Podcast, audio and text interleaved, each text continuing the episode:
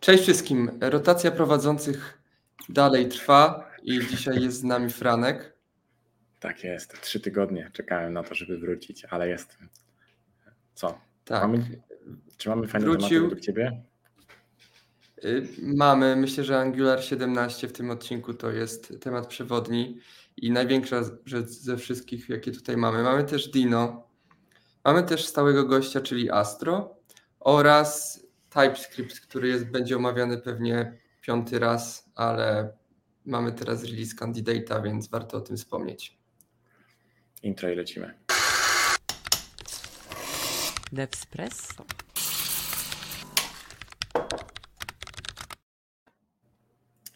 W związku z tym, że przerwałem Ci, jak prowadziliśmy intro, to pozwolę sobie wynagrodzić Ci to i zacznę. Opowiem o Angularze, bo wiem, Patryk, że tego nigdy nie używałeś, więc ja to zrobię, pomimo, że też go za bardzo nigdy nie używałem, poza jakimiś takimi bardzo małymi przetarciami. Natomiast pojawia się w wersji 17 i powiem szczerze, że jest to dosyć rewolucyjne. Tak mi się przynajmniej wydaje, jak na osobę, która z Angularem nie obcuje.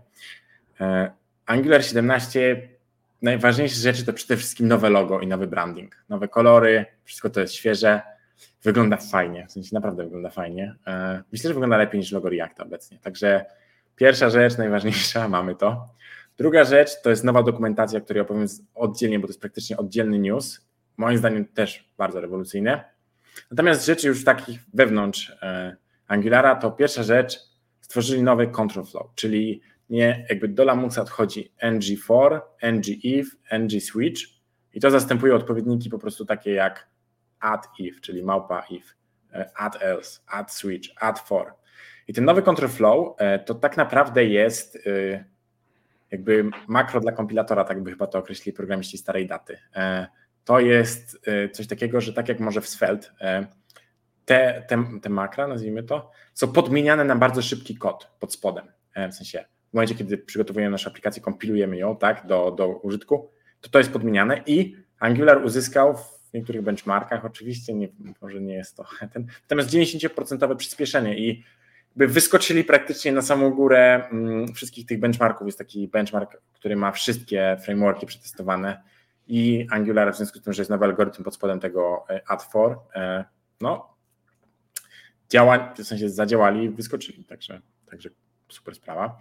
No i to, co jest ważne, to, że przygotowali drogę do automatycznej migracji. Używa się czegoś, co nazywa ng generate i to jest jakby komenda. Angular ma super rozbudowane CLI, właśnie dodatkowa komenda, która przenosi Twoją aplikację na nowy, na nowy syntaks. E, Drugą rzeczą, która pomaga z wydajnością, powiedzmy, to już taką bardziej odczuwalną wydajnością, a nie w liczbach, są odroczone widoki, czyli deferred views. E, Mamy, mamy taką znowu klauzulę. To tak samo jest, działa to na tej samej zasadzie. Mamy te makra, czyli defer i placeholder, i potem Angular, kiedy to kompilujemy, podmienia to defer e, na kod, który będzie fetchował komponent, który tam chcemy jakby zdeferować. E, Pokaże loading state, pokaże placeholder, załaduje to, obsłuży wszystkie te stany. My tylko dodajemy defer. No i e, mamy w pełni działające rozwiązanie, które gdzieś tam odracza dany widok. Kolejna ważna rzecz, że już idą w pełni na server server side rendering SSR i SSG. Jak robimy nową aplikację z Angularem, to teraz będzie prompt przy tworzeniu aplikacji, czy chcesz do niej dodać SSR, SSG. I to jakby jest najważniejsze, co w tym jest, to, to jest sygnał, że oni są już przekonani do swojego rozwiązania. O tym mówią, że chcą, żeby nowi deweloperzy używali tego, bo trochę to trwało, ale są zadowoleni z tego, jak to działa. E, oprócz tego Angular SSR przeszedł jako, jest teraz oddzielną paczką, at Angular slash SSR. E, jest Angular Fire do łatwego deploymentu na Firebase'a. No i to, co jest ważne, to że w związku z tym, że Angular jest z jednej strony kobyło, tak, ma wszystko, to z drugiej strony wszystko to ze sobą współgra. I ten SSR obsługuje rzeczy takie, jak na przykład spędzający deweloperom Reacta e, sens powiek i 18N, czyli internationalization i optymalizacji zdjęć, czyli te rzeczy, z którymi się niektórzy męczą, e, a mówiła, że są za free, jeżeli zgodzicie się skorzystać z tego, co oni uważają za jakby konwencję. Oprócz tego pojawiły się nowe hooki, after render i after next render, w których możemy zarejestrować callback i te hooki odpalał się tylko w przeglądarce. To też jest pod SSR, żeby było łatwo zrobić rzeczy, które czasami musimy zrobić, kiedy dom się załaduje, tak? Więc e, żeby nie było sytuacji, znacie to pewnie, jeżeli programujecie tak jak my w Reactie, to use effect, który odpala się po stronie Nexta albo innego tego, error, problemy, if, window i tak dalej, i tak dalej. No to tego tutaj nie ma, po prostu rejestrujemy callback to odpali się już po stronie przeglądarki. Z mniejszych rzeczy Vite jako domyślny serwer, więc jest szybko. Debugging, dependency injection w DevTools, czyli możemy sobie to sprawdzić. Oni też to demonstrowali jakiś czas temu i to jest tylko przypomnienie, że to trafiło już do DevToolsów. E, standalone APIs, czyli jakiś tam nowy sposób pisania w Angularze. Tego akurat nie chcę zgłębiać, bo to jest większy temat, natomiast oni rozbili część API e, swojego na kawałki, jak rozumiem, i teraz to już jest zalecany sposób używania Angulara. I ostatnia rzecz, e, eksperymentalne, to specjalnie do Ciebie Patryk, eksperymentalne wsparcie dla View Transition API. Wiem, że Ty lubisz to w Astro, wiem, że opowiadałeś o tym chyba tyle razy od Ciebie słyszałem, że oni to wprowadzają, że jak teraz są w Angularze Experimental View Transition APIs, to myślę, że jesteś w niebo wzięty, jesteś gotowy użyć i tego frameworka. Będzie rewrite.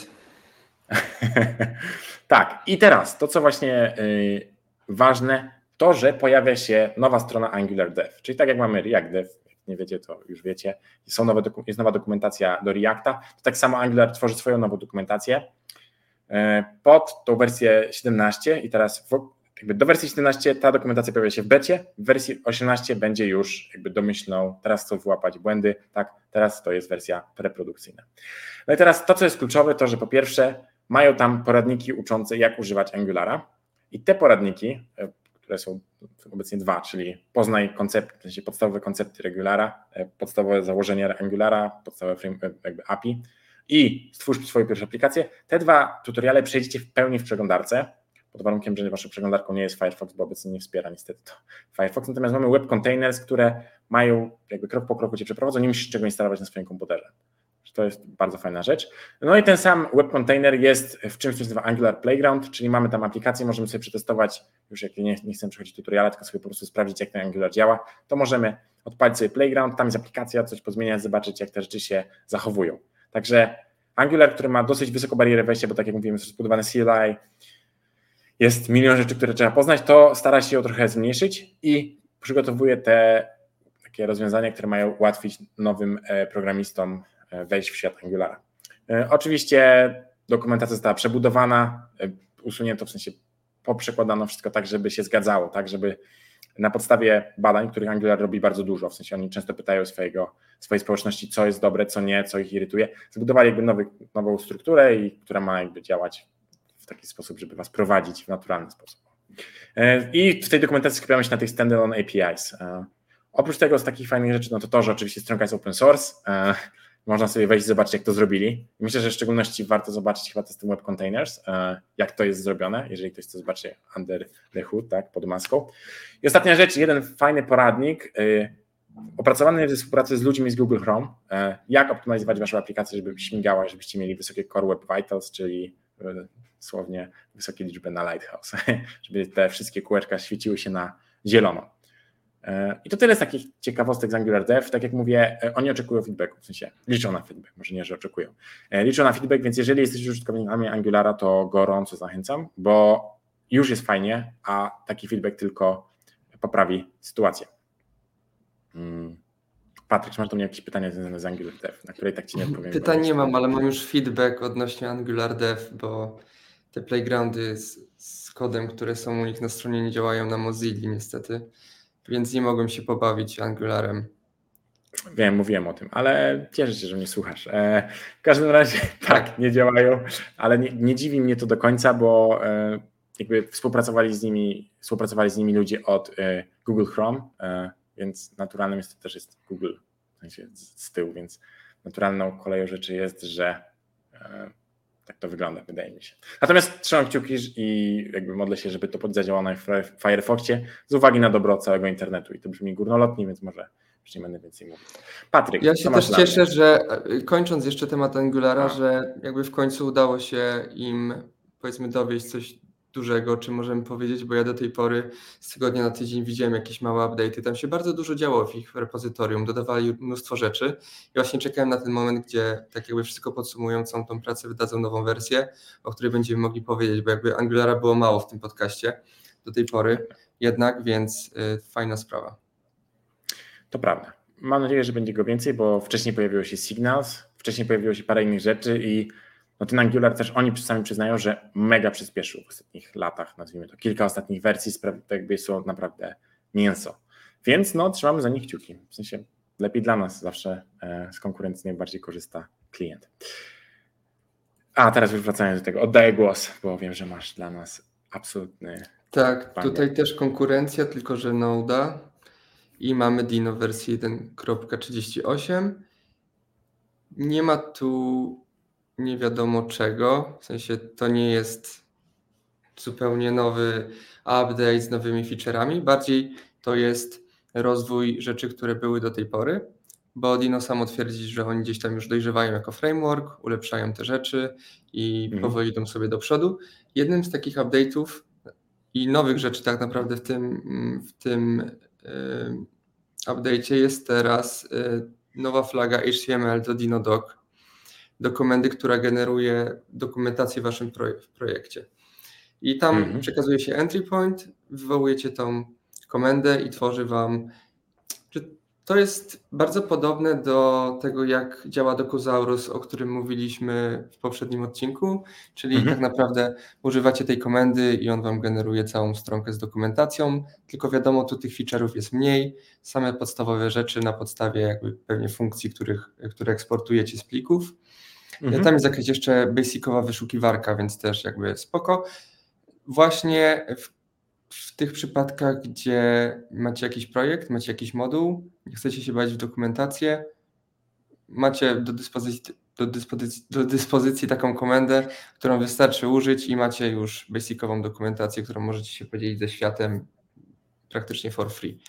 Więc y, fajna rzecz. Tam jest jakieś filtrowanie, jest linting, wiadomo, ale to są Mhm. Podstawowe rzeczy.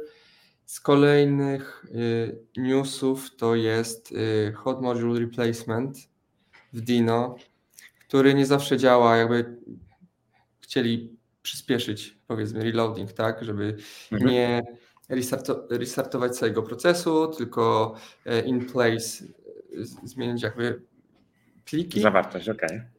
Tak, ale nie zawsze się to udaje, więc czasami, czasami tak trzeba zrestartować Okej. proces.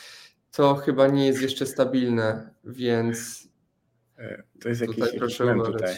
To jest jakiś mem z tym, że no próbuje, ale mu nie wychodzi. W sensie czasami mu nie wychodzi ten, ten module reload, hot module reload. No zabawne dosyć. W sensie może nie. Znaczy cieszę się, że jest w ogóle, no, ale tak, no są jakieś, wiesz, e- edge case'y, gdzie, gdzie po prostu Mhm. nie działa. No ale powiedzmy, że w 80% przypadków, czy nawet więcej, zadziała i, i będzie szybkie, tak? Y, Mamy coś, co mają wszystkie w sumie alternatywy do Node'a w każdym update'cie, czyli y, polepszenie kompatybilności z samym Node'em. Więc tu mamy wsparcie dla NPM-a. I oczywiście o wsparciu, o wsparciu będę mówił też w dalszej e, części, ale to jest wszystko niestabilne, więc jakby nie wczuwajcie się. E, NPM, PNPM, co chcecie, można używać sobie teraz do instalacji paczek. E, Możemy sobie nie używać specifierów przy imporcie nodowych modułów, tak? Teraz jest tak, że importujecie na przykład file system, Mhm. fs, no to dajecie node, dwukropek fs. Teraz jest y, możliwość, oczywiście też unstable, żeby importować samego fs. Więc taka ciekawostka. Mamy jakieś y, update'y do nodowych APIs. Mm, Mamy nowy mechanizm do transformacji JSX-a. To jest Okej. optymalizacja po stronie server-side rendering, więc Mm. tak, więc nie we wszystkich use case'ach. Oni tam zmieniają jakby przy kompilacji teraz zamiast obiektów, tworzą tablicę stringów, co przyspiesza i, i tak dalej, Mhm. więc jeśli ktoś, ktoś używał, to, to na pewno zobaczy tutaj jakby jakieś no, polepszenie. chyba osoby, osoby, które używają Fresha, nie? Będą, e, będą Tak. najpewniej z tego korzystały.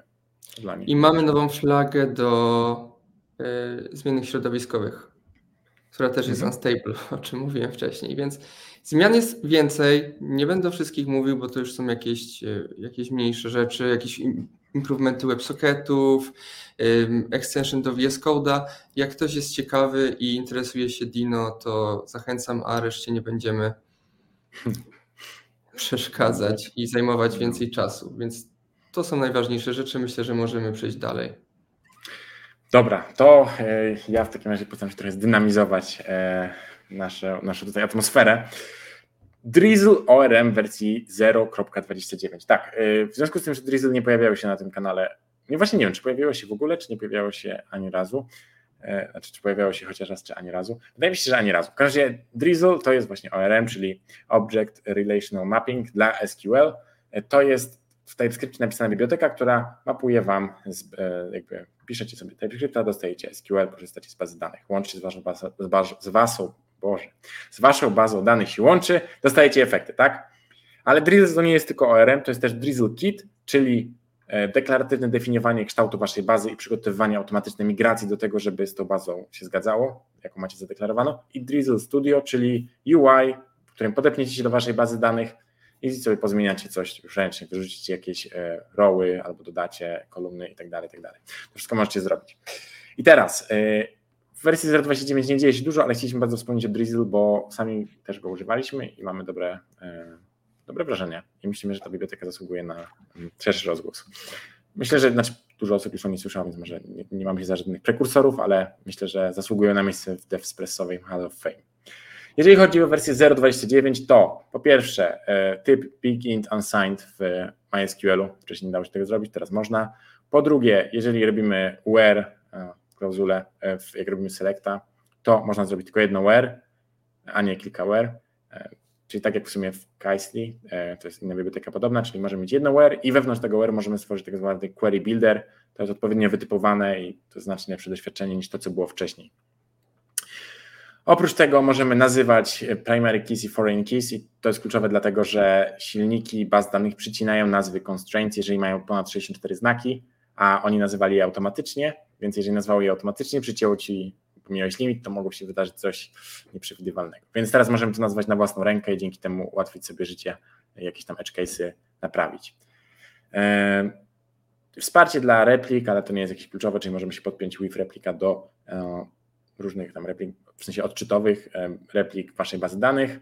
Mamy nowe operatory union, intersect i accept, czyli możliwość łączenia, w sensie działania na zbiorach względem waszych selektów oraz możliwość łączenia się z Postgres, e, Postgres SQL, w sensie z bazą danych przez HTTP. Czyli jeżeli macie tak, że macie w jakiś sposób wystawioną bazę przez HTTP, to możemy wysłać, w sensie podpiąć sobie tak zwany driver, który przekaże Wam oczekiwany SQL, przekaże Wam parametry i wyślecie to po HTTP, na przykład Axiosem, tak jak tu jest w przykładzie w changelogu i dostaniecie zwrotkę e, z, jakby z waszej bazy danych.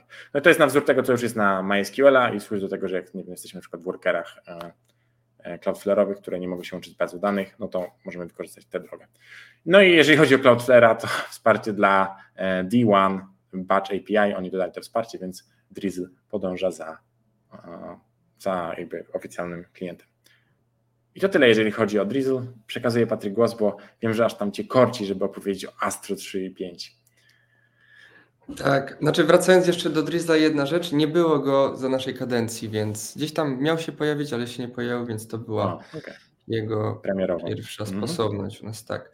Astro, jakby to nie jest major wersja, więc fajerwerków też tu nie będzie, postaram się w miarę szybko powiedzieć, co się teraz wydarzyło.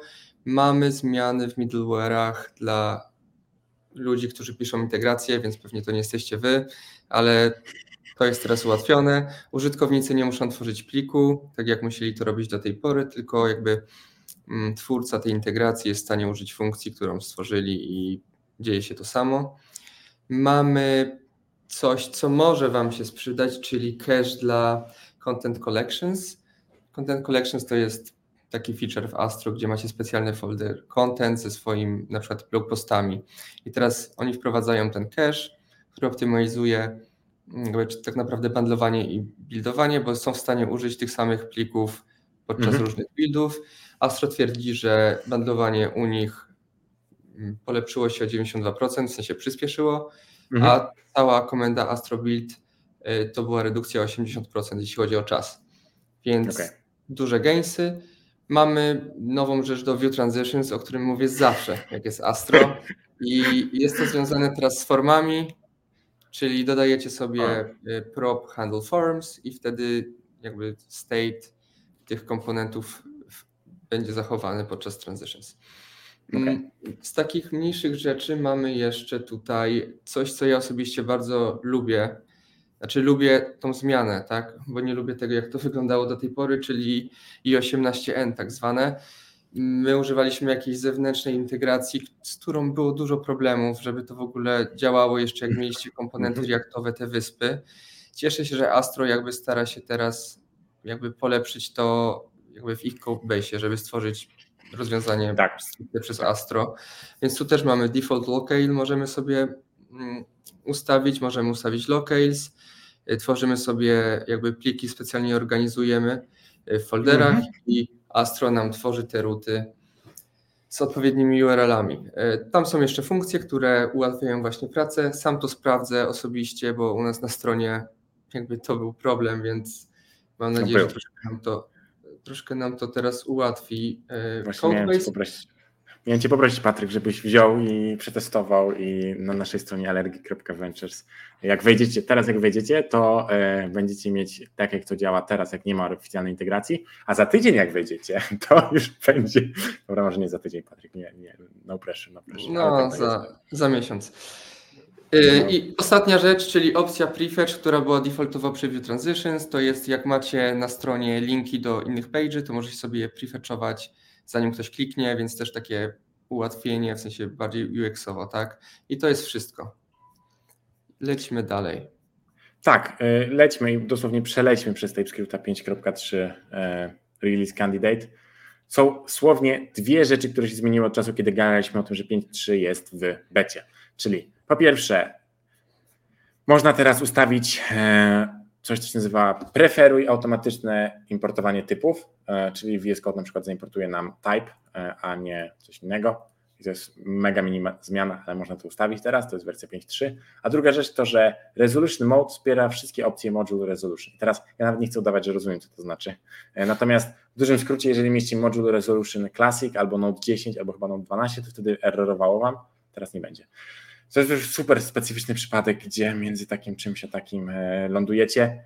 Raczej zazwyczaj te frameworki frontendowe abs- robią abstrakcję nad TypeScriptem i nie musicie się tym przejmować, więc myślę, że tego się trzymamy. No i jakby, jak widać, jesteśmy na dobrej drodze, żeby 5.3 wylądowało jak, jakiejś tam szeroko pojętej produkcji, e, czyli u nas na projektach, ale na razie to jest wciąż release candidate. E, Czy coś masz do dodania do TypeScripta? Wiem, że Patryk lubisz o nim rozmawiać. Nie, zawsze jest tam tak dużo zmian, których nie rozumiem, bo ich w ogóle nie używam i zostawiam to Frankowi, żeby opowiadał biednemu. To niestety tak jest, więc ja e, też e, zostawiłem to i uciekamy. E, a, no i to najfajniejsze, w sensie nie może, to zresztą Patryk, opowiedz, oddaję głos. Tak, no Prettier 3.1 mm, tutaj jest fajna mała rzecz do mm, nested ternaries, czyli do tych, wiecie, jak macie znak Pytanie. zapytania i dwukropek, tak. e, I do zagnieżdżonych szczególnie, których e, z reguły deweloperzy starają się unikać, bo to jest jakiś tam bad practices, jak macie 10 zagnieżdżonych ternaries jakby nie wiadomo o co chodzi. I tu z odpowiedzią przychodzi Prettier, mianowicie zmienia formatowanie, w sensie jest możliwość zmiany, bo to jest eksperymentalna flaga i do tej pory powiedzmy wszystkie te ternaries były z góry na dół w jednej linijce, prawda? Mhm. Y, A teraz polepszyli to i są jakby wcięcia w zależności od levelu zagnieżdżenia, prawda? Więc troszkę jest to Mm. bardziej czytelne i mi się osobiście podoba ta zmiana. Jakby nie lubię zagnieżdżonych ternaries, ale jakby miał je widzieć, to wolałbym je widzieć właśnie z odpowiednim wcięciem. Dokładnie tak. Tak, więc to była ta zmiana. Y, A propos Angulara, mam od razu wsparcie dla Angu- Angulara 17. Teraz sobie Mhm. przypomniałem, że Cypress też już ma wsparcie dla Angulara 17. Można testować komponenty w Cypressie tam. Mm. mm, Component testing, tak. Tak, component testing.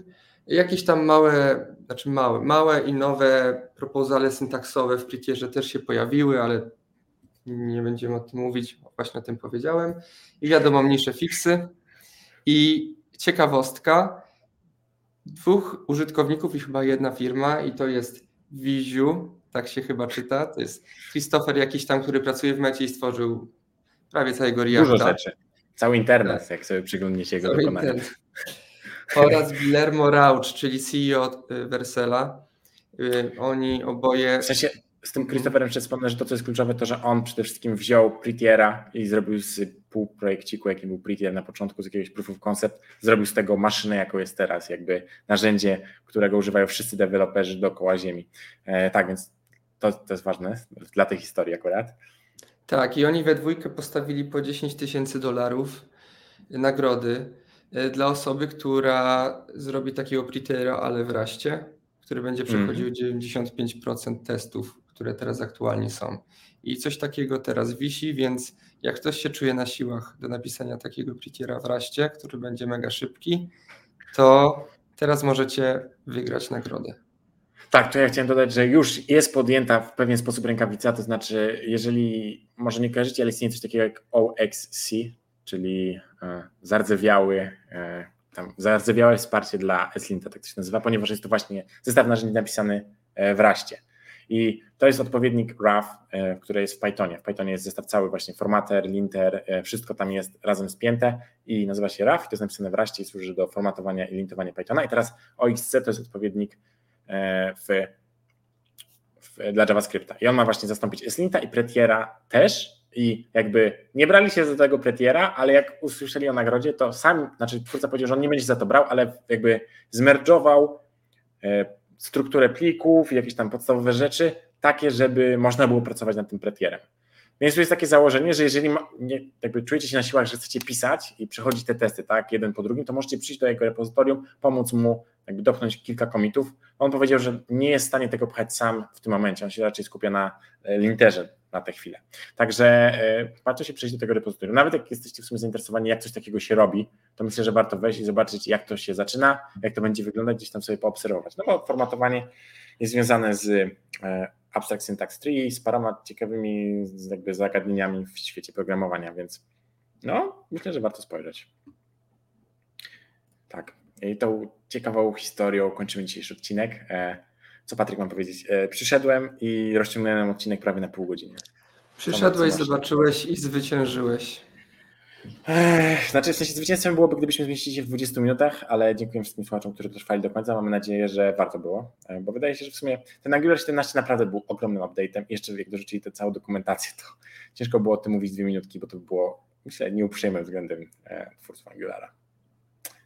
E, dzięki za e, odsłuchanie w takim razie. Ja chciałem zapowiedzieć, że pojawi się na naszym kanale za chwilę odcinek e, specjalny, tak, tak go nazwiemy. Pracujemy dosyć intensywnie i on opowie trochę o tym, jak było w tym roku na Hakia. I ten odcinek, no, w sensie to będzie tak, tak, zobaczymy dokładnie, jak to będzie wyglądać, bo to jest, tak jak mówię, jeszcze pracujemy nad tym intensywnie, część rzeczy powstała, część rzeczy nie. Natomiast będziemy opowiadać o tym, jak wyglądało Hakia w tym roku w Krakowie, jak wygląda nasz udział w Hakia w Krakowie, no i opowiemy sobie trochę o tym, czy warto brać w tym udział, e, jakie mamy rady dla tych, którzy zdecydują się, no i tego różne, tego rodzaju, na tego rodzaju pytania i odpowiedzi sobie znajdziemy. I dlatego gorąco zapraszam do subskrybowania, bo e, na naszym Instagramie będziemy informować. Oczywiście na naszym LinkedInie też postaramy się informować o tym, kiedy coś się pojawi, ale no, e, mamy nadzieję, że w najbliższych tygodniach ten odcinek się pojawi, a ja już go tylko dzisiaj zapowiadam, bo wydaje się, że to będzie coś naprawdę fajnego z pierwszych moich jakby działań nad tym tematem. Patryk, czy masz coś do dodania, czy żegnamy się dzisiaj z naszymi słuchaczami i widzami? Nie, możemy się pożegnać i życzyć miłego dnia wszystkim. Dzięki. Do usłyszenia. Cześć. Na razie. Pa.